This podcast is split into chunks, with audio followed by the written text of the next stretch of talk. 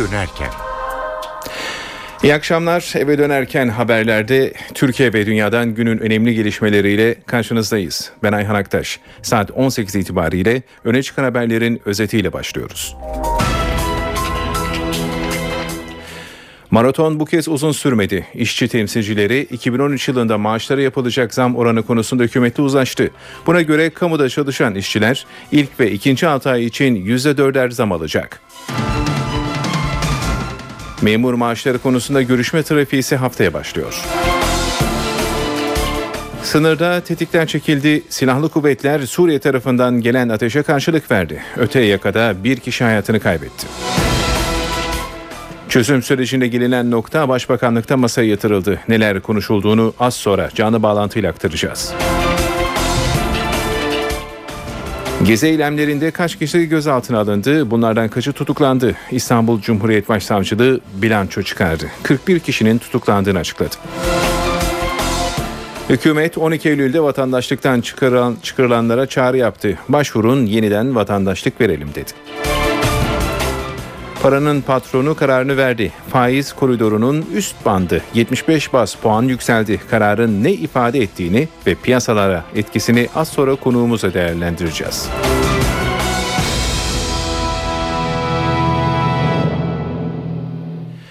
Ve ayrıntılara geçiyoruz. Pazarlık bu yıl uzun sürmedi. Hükümet zam konusunda işçiyle anlaştı. Taraflar el sıkıştı. Kamuda çalışan yaklaşık 200 bin işçi 2013 yılında %4 artı 4 yani toplamda %8 zam alacak. Böylece kamuda en düşük ücret 1100 lira olacak. Açıklama Çalışma ve Sosyal Güvenlik Bakanı Faruk Çelik'ten geldi. Kamuda en düşük ücret 1100 TL'ye çekilmiştir. 2. 2013'ün birinci 6 ay için yüzde dört, ikinci 6 ay için yüzde dört ücret artışı sağlanmıştır. 3. 2014 yılı ücret artışı yüzde üç artı yüzde üç olarak belirlenmiş. Ücret zamları enflasyonun altında kaldığı takdirde aradaki fark ücretlere yansıtılacaktır. 4. 1850 TL altındaki ücretlere seyyanen 1850 TL'yi geçmemek üzere 200 TL iyileştirme yapılmıştır. 5. Sosyal yardım faslından sosyal yardımlara 180 TL'ye kadar sosyal yardımlar yükseltilmiştir. 3 haftadır değerlendirdiğimiz bu konu başlıklarında geldiğimiz nokta ve uzlaşı noktası bu şekilde sağlanmış bulunmaktadır. 200 bin çalışanımıza, ailelerine, Türk endüstriyel ilişkilerine açısından hayırlı olmasını temenni ediyorum. Kamu işçisiyle hükümet uzlaştı. Şimdi gözler memurların taleplerine çevrildi. Bunun için de görüşme maratonu gelecek hafta başlıyor. Memur sendikaları temas öncesinde beklentilerini telaffuz etmeye başladı. 2 milyona yakın memurun 2014 ve 2015 maaşlarını belirleyecek olan görüşmeler başlıyor. Memurla hükümetin zam pazarlığında ilk buluşma 1 Ağustos'ta. Taraflar pazarlık masasına oturmadan önce memur cephesi taleplerini açıklamaya başladı. Tüm kamu görevlilerinin emeklerin maaşlarına 1 Ocak 2014'ten geçerli olmak üzere yüzde 10. 1 Temmuz 2014'ten itibaren de ilaveten yüzde 10 zam yapılmalıdır. Talepler maaş artışıyla sınırlı değil. Emeklilik ikramiyesi başta olmak üzere sosyal haklara yönelik beklentiler de var. Kamu görevlilerinin emekli ikramiyesi öngörülen 30 yıl sınırlaması kaldırılmalı. Bu yolla her çalışanın çalıştığı süre ile orantılı olarak emekli ikramiyesi alması sağlanmalıdır. Emeklilere de aile yardımı ve çocuk parası ödemesi verilmelidir. Yılda iki kez dini bayramlar öncesinde tüm kamu görevlilerine 843 TL tutarında bayram ikramiyesi ödenmelidir. Toplu sözleşme görüşmelerinde yetkili konfederasyon bu yılda memur olacak. Yeni bir gelişmeyle devam edelim bültenimize. Antalya'dan iki yangın haberi var. Alanya'da Gümüşkabak köyündeki Kızılçam ormanından yangın çıktı. Alevler rüzgarın da etkisiyle hızla yayılıyor. Yangına iki helikopterle yangın söndürme uçağı havadan müdahale ediyor. Arazöz ve iş makineleri de karadan müdahaleye başladı. Kepez'e bağlı Doğacı köyündeki ormanlık alanda başlayan yangınsa kısmen kontrol altında. Bölgede söndürme çalışmaları sürüyor.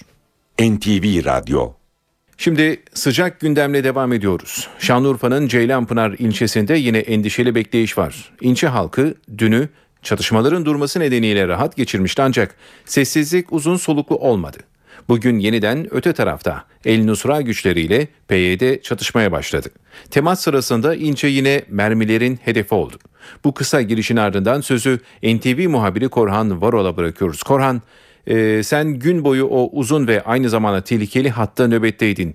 Gelişmeleri ve gözlemlerin eşliğinde senden dinleyelim orayı.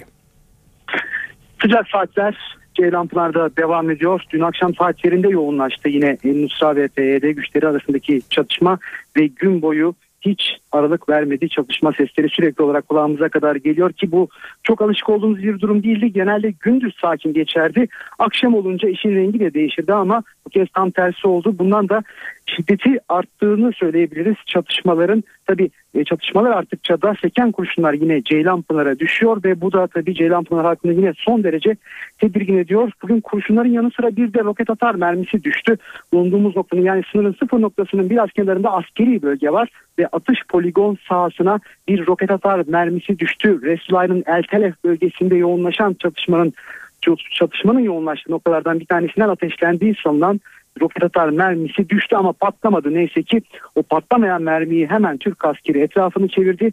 Şanlıurfa'dan uzman askeri birlikler geldi ve o patlamayan roket atar mermisi künyeyle patlatılarak etkisiz hale getirildi. Tabi sadece roket atar mermisi değil yine çatışmalardan uzun namlulu silahlardan seken kurşunlar da yine Ceylanpınar'daki evler hedef oluyor. Biz kameraman arkadaşımla çok değil bir saat önce oradaydık. Hemen yerleşim bölgesinin yoğun olan bir mahallesinde kurşunların izini sürdük deyim yerindeyse ve o kurşunların isabet ettiği ev halkı son derece tedirgindi. Tabi sadece kurşun seslerinden sabaha kadar uyuyamıyor değiller. Aynı zamanda tedirgin oluyorlar. Acaba bizim evimiz hedef olacak mı diye. Tabi e, son bir not da belirtelim. Sadece evler değil bir okul da yine kurşunun hedefi oldu. Mevlana İlköğretim Okulu'nun kütüphanesinin camına 3 uzun namlulu silahtan çıkan kurşunlar hedef oldu. Tabi son derece ürkütücü bir tabloydu. Aynı cama 3 tane birden e, mermi isabet etmişti. Neyse ki okullar tatildi. Kütüphanede öğrenciler yoktu. Can kaybı olmadı. Tabi dediğimiz gibi e, şiddetini arttırmış durumda. Şiddetiyle beraber de Ceylan Pınarların tedirginlik oranda son derece yüksek. Evet Korhan Varol'a teşekkür ediyoruz. Şanlıurfa'nın Ceylanpınar ilçesinde sıfır noktasındaki son durumu bizlere aktardı. Yine o bölgeyle ilgili Türk Silahlı Kuvvetleri'nden gelen bir açıklamayla bültenimize devam edelim. Suriye tarafında farklı gruplar arasında çatışmalar sürerken sınır boyunda kaçakçılarla silahlı kuvvetlerde sıcak temasa girdi. Kaçakçılar ateş açtı. Türk askeri karşılık verdi. Çıkan çatışmada bir kaçakçı öldü. Bir başka olay da Hatay'ın Reyhanlı ilçesinde yine Suriye sınırı yakınında yaşandı. Yaklaşık bin kişilik kaçakçı grubu sınır hattına doğru yanaştı. Askerlerin tüm uyarılarına karşın grup taşlarla askerlere saldırdı. Bu gelişme üzerine askerler havaya ateş açarak ve gaz bombalarıyla grubu dağıtmaya çalıştı. Askerlerle kaçakçılar arasındaki mücadele tam 3,5 saat sürdü. Olayda bir rütbeli olmak üzere 7 asker yaralandı. Yaralı askerler Reyhanlı Devlet Hastanesi'nde tedavi altına alındı. Bölgede yapılan arazi aramasında ise olay yerinde farklı bölgelerde 73 adet bidon içerisinde 4015 litre mazot ele geçirildi.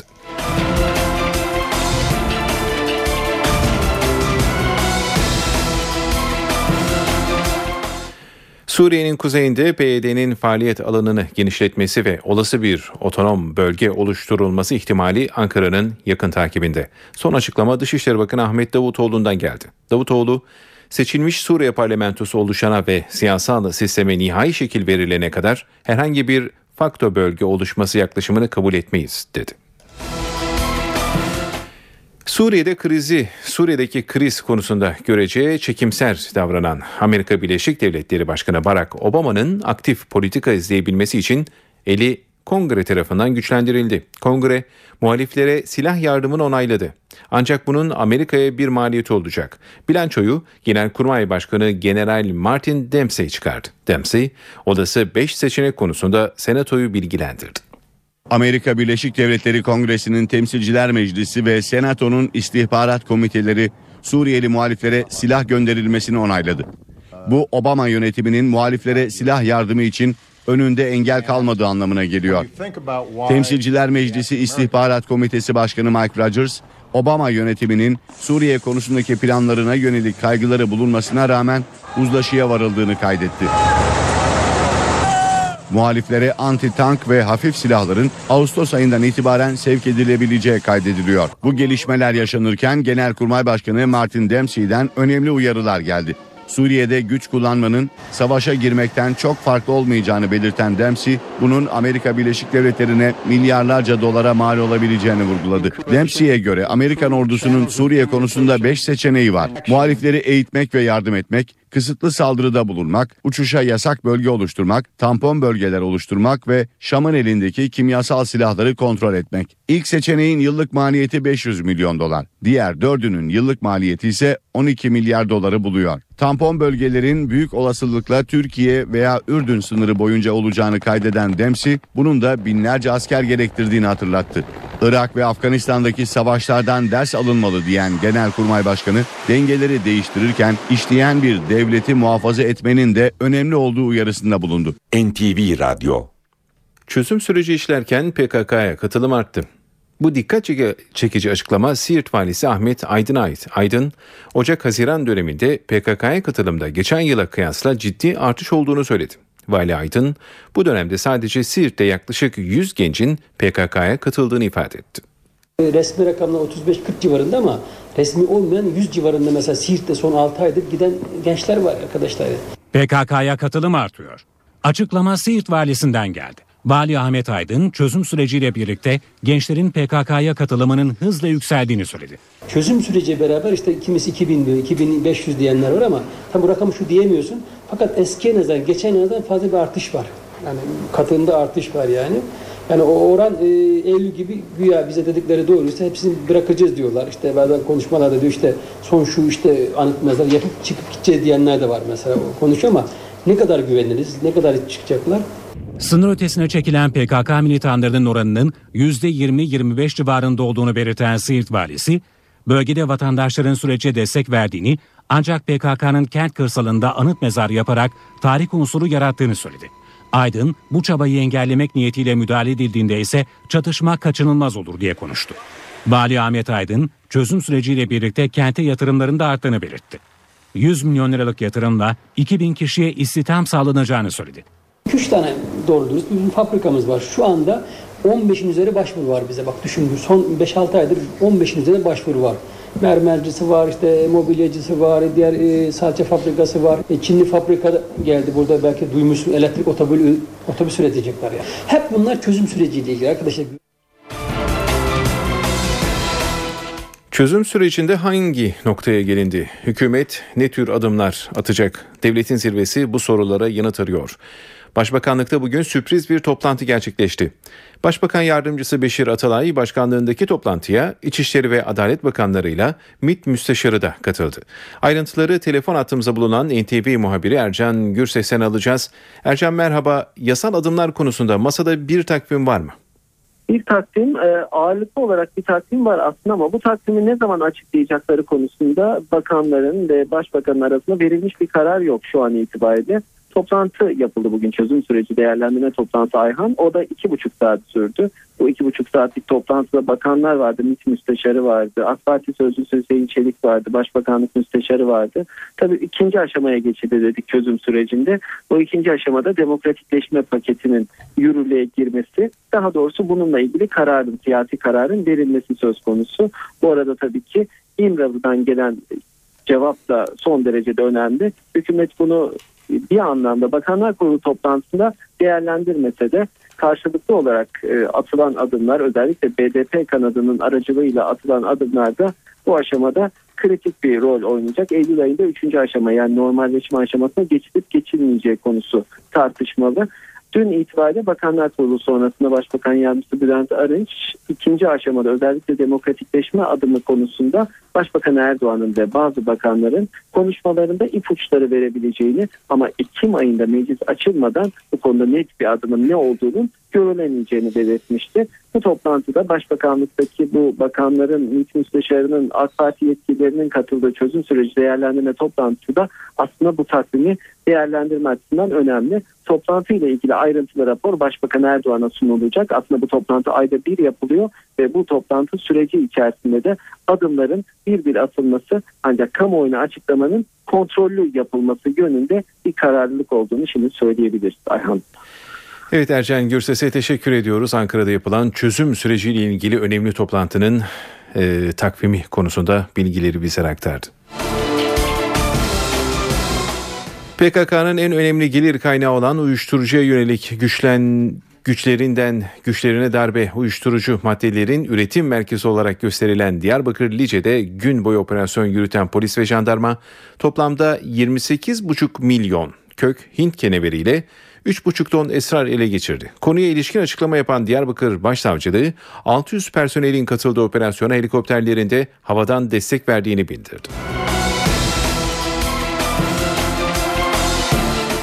Orta Doğu'da faaliyet gösteren Kürt siyasiler gelecek ay Erbil'de bir araya gelecek. Kuzey Irak'taki bölgesel Kürt yönetimi başkanı Mesut Barzani'nin yapılması için çağrıda bulunduğu konferansın en geç bir ay içinde yapılması kararlaştırıldı.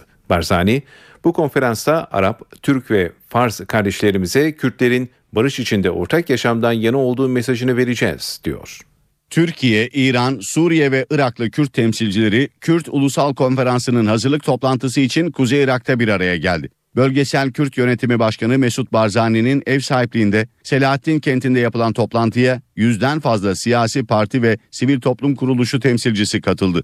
BDP eş başkanı Selahattin Demirtaş, DTK eş başkanı Ahmet Türk ve PYD lideri Salih Müslim'in de hazır bulunduğu toplantıda PKK da temsil edildi. Toplantıda yıllardır hazırlıkları sürdürülen Kürt Ulusal Konferansı'nın en geç bir ay içerisinde yapılması kararlaştırıldı. Mesut Barzani konferansı yapmaktaki hedeflerinin ortak bir irade ve düşünce etrafında birleşmek olduğunu açıkladı. Hiçbir komşu devlete ve halka düşmanlık yapmak istemediklerini vurgulayan Barzani, bu konferansta Arap, Türk ve İranlı kardeşlerimize Kürtlerin barış içinde ortak yaşamdan yana olduğu mesajını vereceğiz dedi. Mesut Barzani, Kürt Ulusal Konferansı'nın yapılması konusunda daha önce Celal Talabani ve Abdullah Öcalan'la istişare edildiğini de söyledi. Onların da aramızda bulunmasını isterdim. Temennim odur ki Talabani bir an önce sağlığına kavuşur, Öcalan da özgürleşir diyen Barzani konuşmasını yaşasın Kürtler, yaşasın Kürdistan diyerek tamamladı. Saatimiz 18.24'ü gösteriyor ve gündemdeki gelişmelerle bültenimize devam ediyoruz. Gezi Parkı soruşturmasının adli ayağında bilanço çıkarıldı. İstanbul Cumhuriyet Başsavcılığı şimdiye kadar 715 kişinin gözaltına alındığını açıkladı. Başsavcılık açıklamasına göre gözaltına alınanlardan 179'u tutuklama istemiyle mahkemelere sevk edildi. 41 kişi tutuklandı. Bunlardan onu itiraz üzerine mahkeme kararıyla serbest bırakıldı. Başsavcılık açıklamasında bazı medya organlarında olayların abartıldığı da ifade edildi. Gezi Parkı'na topçu kışlası yapılabilecek mi? Bölge İdare Mahkemesi yerel mahkemenin aldığı yürütmeyi durdurma kararını kaldırdı. Gözler parka yeniden iş makinalarının girip girmeyeceğine çevrildi. Üst mahkemenin kararı üzerine muhtelif yorumlar yapılırken Çevre ve Şehircilik Bakanı Erdoğan Bayraktar'dan bir açıklama geldi. Bayraktar birileri bir işe karşı çıkıyor diye o işi yapmamak olmaz dedi. Şu anda yürütmenin durdurmasını oy birliğiyle kaldırdı. Ama biz bu bunlar önemli değil. Mühim olan biz doğru neyse onu yaparız. Bir işe karşı çıkılıyor diye de o işi yapmamak olmaz. Bir yere üç kişi çıkıyor bunu yapamazsınız deyince haydi üç kişinin dediğini yap. E, öbür tarafta 97 kişi var onun dediğini kim yapacak? İnsanlarımızın menfaati neyse onu yapmamız lazım. Gezi eylemcilerine yönelik biber gazı ve gaz bombalı müdahale, tepki ve eleştirileri beraberinde getirince İçişleri Bakanı Muammer Güler polisi uyardı. Valilikleri bir genelge gönderen Güler, 40 metreden yakın gruplara tüfekle gaz bombası atmayın, sopa gibi mevzuata aykırı materyallerle müdahale etmeyin ve eylemcilere karşı tepki gösteren kişilerin pala gibi materyaller kullanmasına izin vermeyin dedi. Gezi Parkı eylemlerinin ardından İçişleri Bakanı Muammer Güler'den polise 3 konuda uyarı geldi. 40 metreden yakın gruplara tüfekle gaz bombası atmayın. Sopa gibi mevzuata aykırı materyallerle müdahale etmeyin. Eylem yapan gruplara karşı tepki gösteren kişilerin sopa, pala gibi materyallerle müdahale etmelerine izin vermeyin. İçişleri Bakanı Muammer Güler valiliklere gönderdiği genelgede son günlerde meydana gelen toplumsal olaylarda sivil polislerin mevzuat dışı tutum ve davranışlar sergilediğinin gözlendiğine dikkat çekti. Bu tür eylemlerde görev alan sivil polislerin mutlaka polis yeleği giymeleri ve mevzuata uygun araç gereçlerle görev yapmaları uyarısında bulundu. Eylemlerde bazı kişi ve grupların eylemcilere sopa ve pala gibi materyallerle saldırıda bulunduğunu hatırlatan Güler, bu tür girişimde bulunan kişilere derhal müdahale edilmesi ve adli makamlarca haklarında işlem yapılmasının sağlanması talimatı da verdi. İçişleri Bakanı eylemlerde 40 metreden daha kısa mesafede bulunan gruplara karşı öncelikle gaz el bombalarıyla gaz püskürtücü tüpler ve el spreyleri kullanılması talimatı verdi. Tüfekle atılan gaz fişeklerinin 40 metreden yakın mesafelerde kullanılmamasını istedi. Güler ayrıca gaz fişeklerinin direkt olarak eylemciler ve kişiler hedef alınarak kullanılmaması ve müdahalelerin kamerayla kayıt altına alınmasının sağlanması konusunda da uyarıda bulundu. Balyoz davasının temiz duruşmalarında 6. gün geride kaldı. Bugün davanın bir numaralı sanığı emekli orgeneral Çetin Doğan'ın avukatı Hüseyin Ersöz savunma yapıyor. Ersöz, savunmasına Birleşmiş Milletler'in balyoz davası tutuklularının hak ihlaline uğradıklarına ilişkin kararını mahkemeye sunarak başladı. Ve kararın aynı ahim kararları gibi iç hukukun üzerinde ve bağlayıcı olduğunu belirtti. Ersöz soruşturma ve kovuşturma aşamasındaki hakim kararlarının polis tarafından yazıldığını iddia etti. Sanıkların sahte dijital verilerle suçlandığını öne süren Ersöz, İngiltere eski başbakanlarından William Churchill'in imzasıyla hazırladığı sahte bir belgeyi de mahkeme heyetine gösterdi.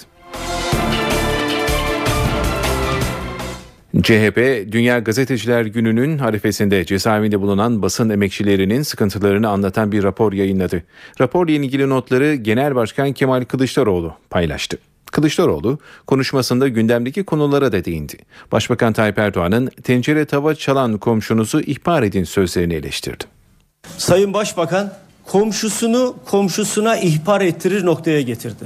CHP lideri Kemal Kılıçdaroğlu, Başbakan Recep Tayyip Erdoğan'ın tencere tava çalanı şikayet edin sözlerine tepki gösterdi.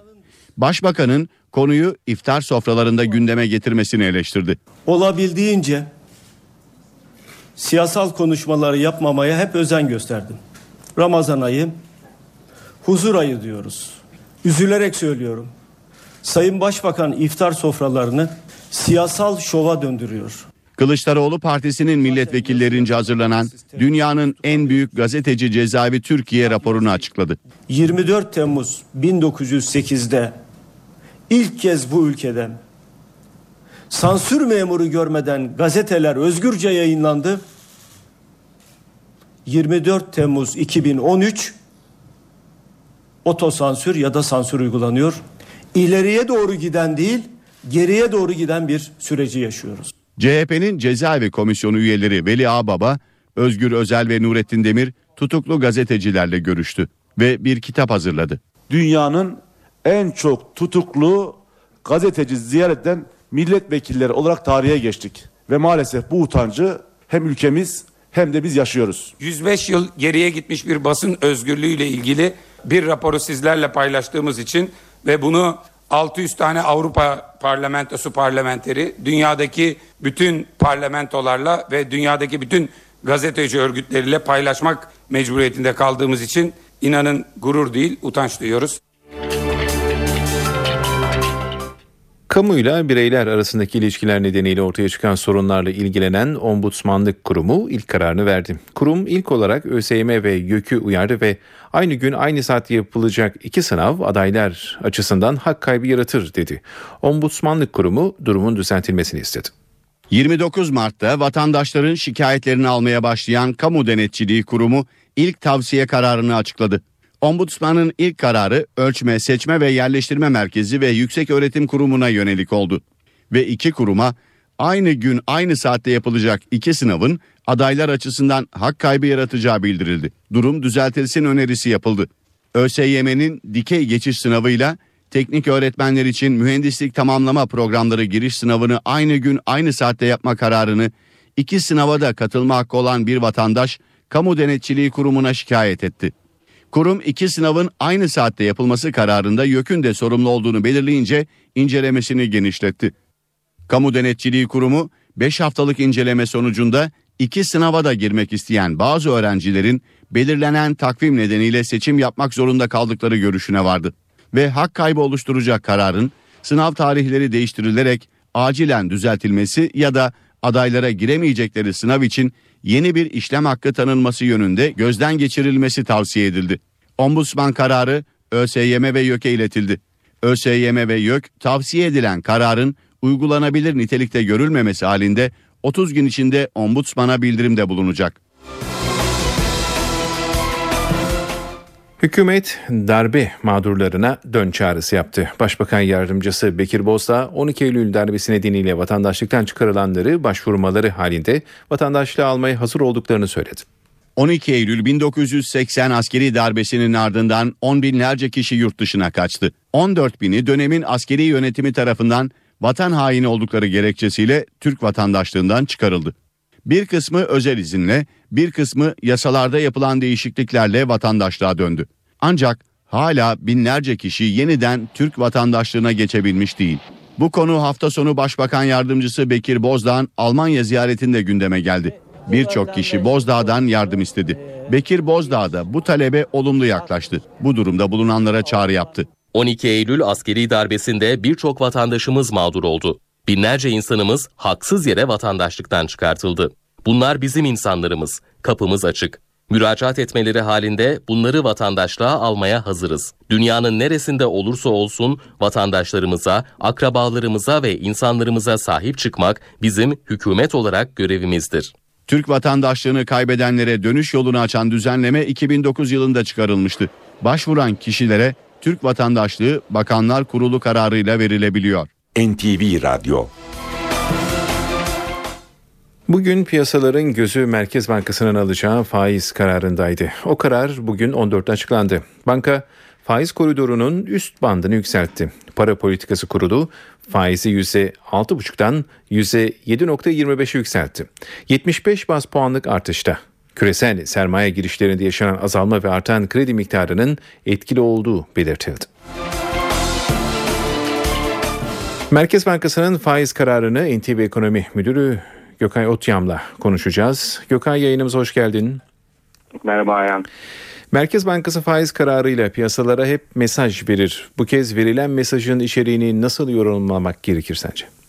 Açıkçası piyasa Merkez Bankası'na önce mesaj verdi zaten hani faizi arttır diye. Mesajı veren piyasa mesajı alıp takip eden de Merkez Bankası oldu bu sefer. Evet.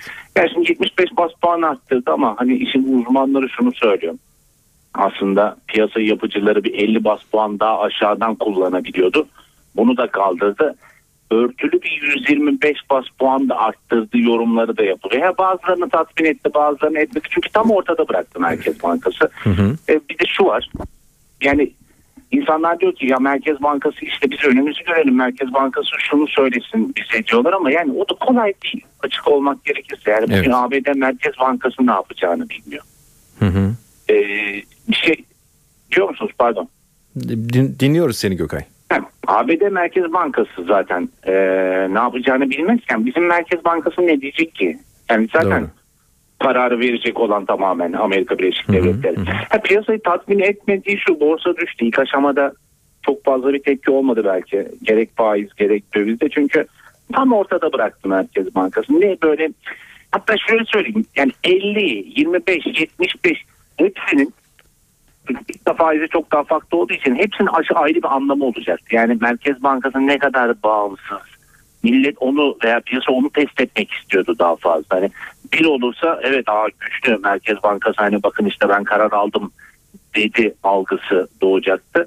50-25 piyasaları çok fazla tatmin etmeyecekti ama negatif sürpriz yapmadı. O iyi. İşin iyi tarafından bakarsak Evet. 75 yeterli mi? Kimine göre değil. Yabancı yatırım bankalarından bir tanesi zaten hemen rapor yazdı. Bu fırsat kaçırıldı dedi. 75 bas puan yeterli değil. Daha fazla yapması gerekiyordu. Enflasyon faiz dengesi içeride çok fazla e, rasyonel değil diyor kendince tabii. O mesela borsaya bir satış getirdi. Ama e, bundan sonrası için de netlik yok. Herkes diyor ki Piyasa çok kötü olursa, piyasa sıkışırsa likitliğe bol bol veririm diyor. Enstrümanlar çok fazla. E, Veya piyasa işte daralırsa e, bu sefer tam tersi veya da bol olursa işte iyi olursa bu sefer de sıkılaştırabilirim diyor. Ya Merkez Bankası duruma göre ben buradayım. Gerektiğinde enstrümanlarım var. Gerekeni yapacağım diyor. Piyasayı tatmin edip etmeme konusuysa biraz daha ortada muğlak ama e, ilk aşamadaki refleks tepki daha nötr diyebileceğimiz noktadaydı. Peki Gökay çok teşekkür ediyorum. Evet NTV Ekonomi Müdürü Gökay Otyam Merkez Bankası'nın faiz kararını değerlendirdi. Türkiye'nin en büyük sanayi kuruluşu TÜPRAŞ, İstanbul Sanayi Odası'nın hazırladığı 500 büyük sanayi kuruluşu 2012 yılı raporu açıklandı. Zirvede bir önceki yılda olduğu gibi TÜPRAŞ var. TÜPRAŞ geçen yıl 40 milyar liralık satış rakamına ulaştı. TÜPRAŞ'ı Ford Otomotiv ve Oyak Renault izledi. En karlı kuruluşsa Türkiye Petrolleri Anonim Ortaklığı oldu. TPAO 2012'de 1.4 milyar lira kar elde etti. NTV Radyo Geçtiğimiz hafta Akdeniz Üniversitesi'nde yüz nakli olan Recep Sert'ten iyi haberler var. Sert bugün uyandırıldı. Komutlara cevap veren Recep Sert doktorlarını da tanıdı. Ameliyatı gerçekleştiren ekipte yer alan doçent Özlenen Özkan hem alt çene hem üst çene nakli yapılan Recep Sert'in diğer hastalara göre tedavi sürecinin daha uzun olacağını söyledi. 27 yaşındaki Recep Sert'in birkaç gün içinde yoğun bakımdan çıkması bekleniyor.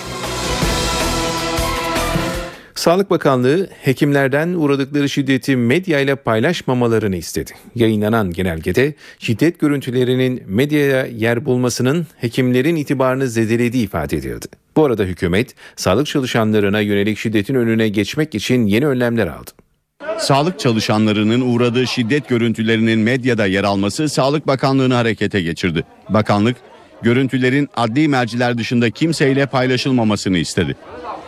Yayınlanan genelgenin gerekçesi ise hekimler ve sağlık personelinin itibarının zedelenmemesi ve kamuoyunun bilinçlenmesi olarak açıklandı. Sağlık çalışanlarına yönelik şiddetin önüne geçmek için hükümet bir dizide önlem aldı. Şiddet uygulayanlara 24 aya kadar hapis cezası getiren düzenleme mecliste kabul edildi. Ancak sağlık personeline yönelik şiddet devam ediyor. Sağlık Bakanlığı verilerine göre son bir yılda 4084 sağlık çalışanı şiddete maruz kaldı. Şiddet vakalarının 3000'i sözlü saldırı, 1000 kadarı ise fiili şiddet içeriyor. Bu vakalarda 67 hekim darp edildi veya bıçaklı saldırıya uğradı.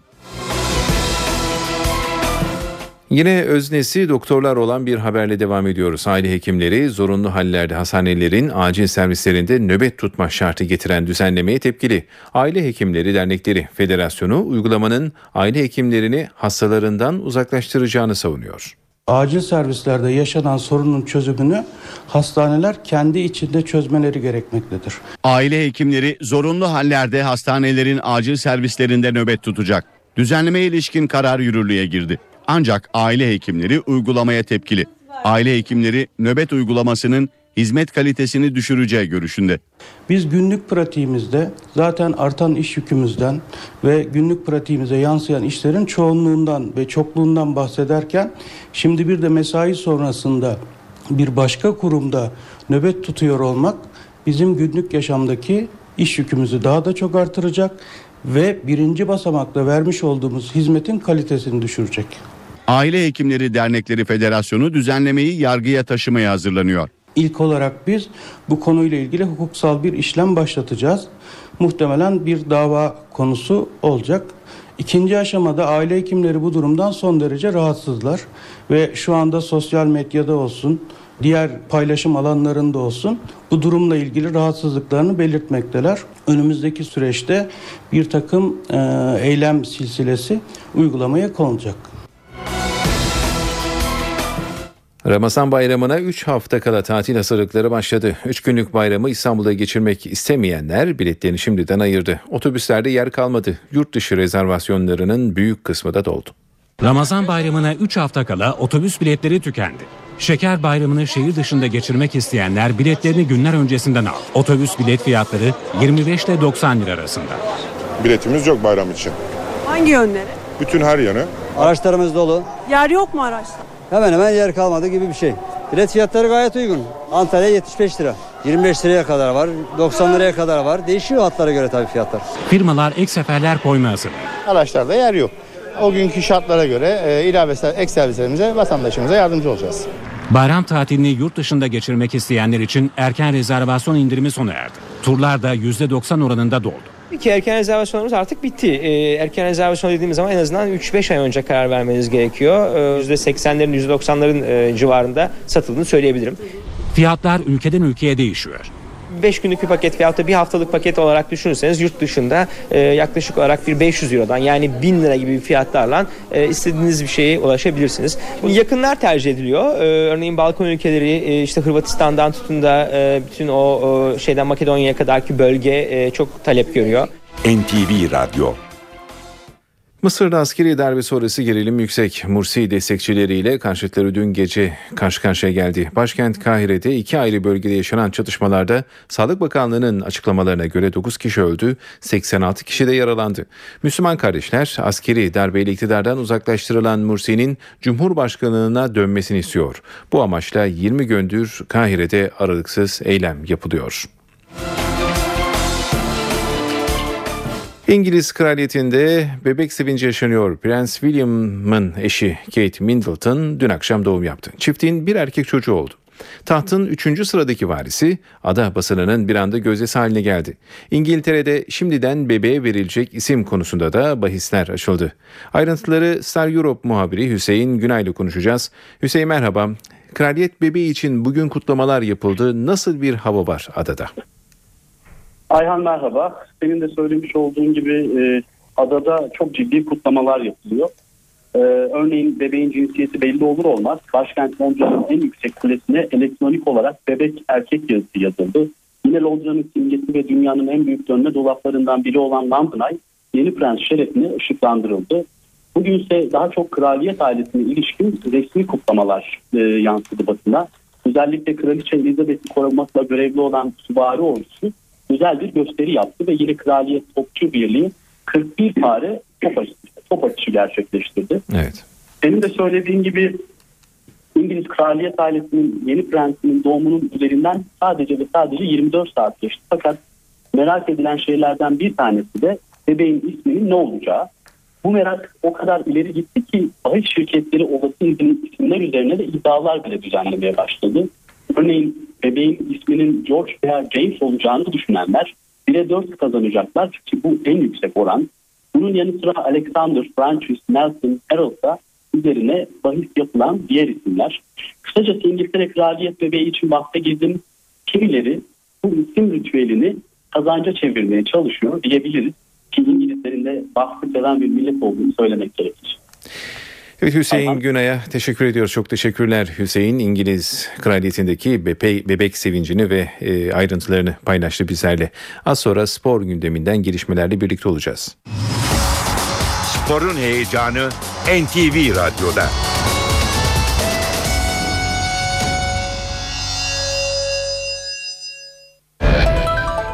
Yeni sezon hazırlıklarını Slovenya'da sürdüren Galatasaray'da Fernando Muslera bugün basının karşısındaydı. İzinli olduğu için takıma geç katılan Uruguaylı file bekçisi önümüzdeki sezon için iddialı açıklamalarda bulundu. Hakkında çıkan transfer haberlerini de yalanlayan Muslera takım içindeki atmosferden övgüyle bahsetti.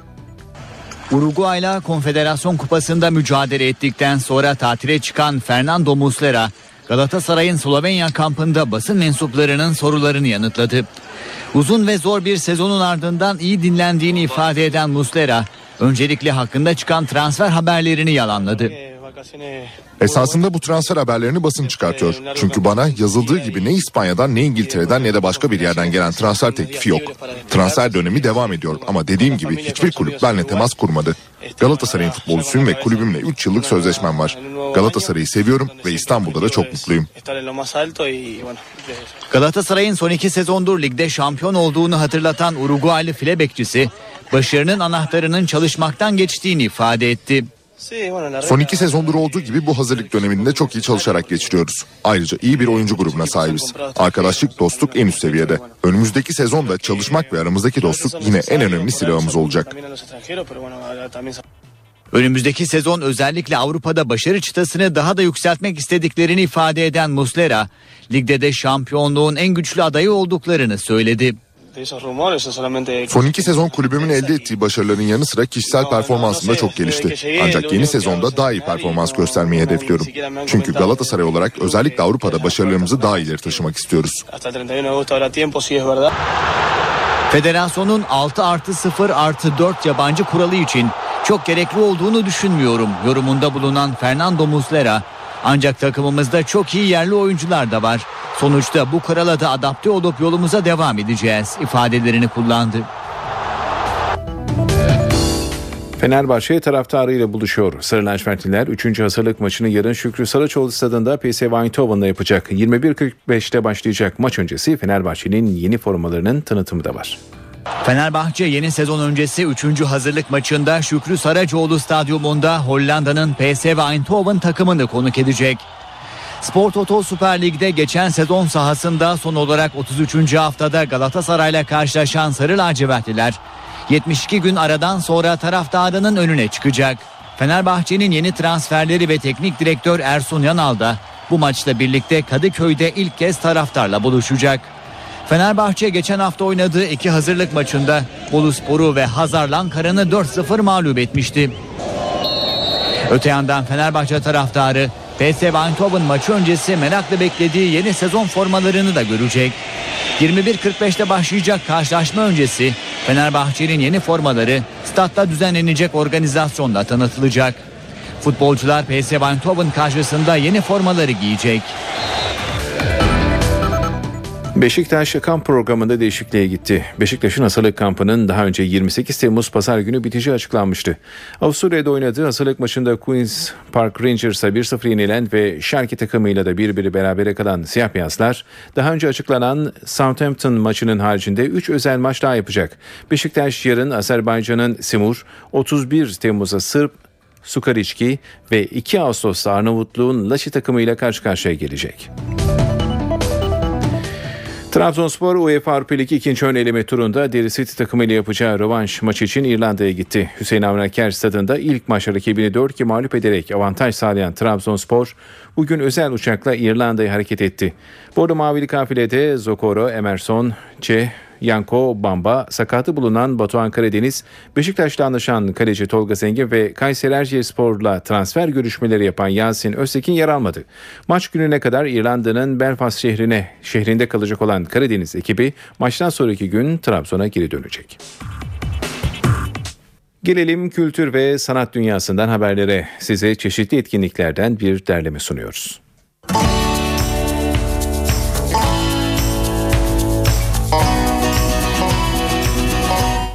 Ramazan'da Caz Festivali bugün başlıyor. Bu yıl dördüncüsü düzenlenecek festivalde dünyaca ünlü yerli ve yabancı sanatçılar İstanbullu sanatseverlerle bir araya gelecek. İki hafta sürecek festivalde Kerem Görsev, İlhan Erşahin, Omar Hakim, John Belki, Kutsi Ergüner ve Pierre Rigopoulos gibi dünya yıldızları sahne alacak. Ramazan'da Caz Festivali 1 Ağustos'a kadar devam edecek. Festival kapsamında bu akşam Kerem Görsev, Ferit Odman ve Kaan Yıldız'dan oluşan Kerem Görsev Trio saat 21'de sahnede olacak. Performans mekanı Sakıp Sabancı Müzesi.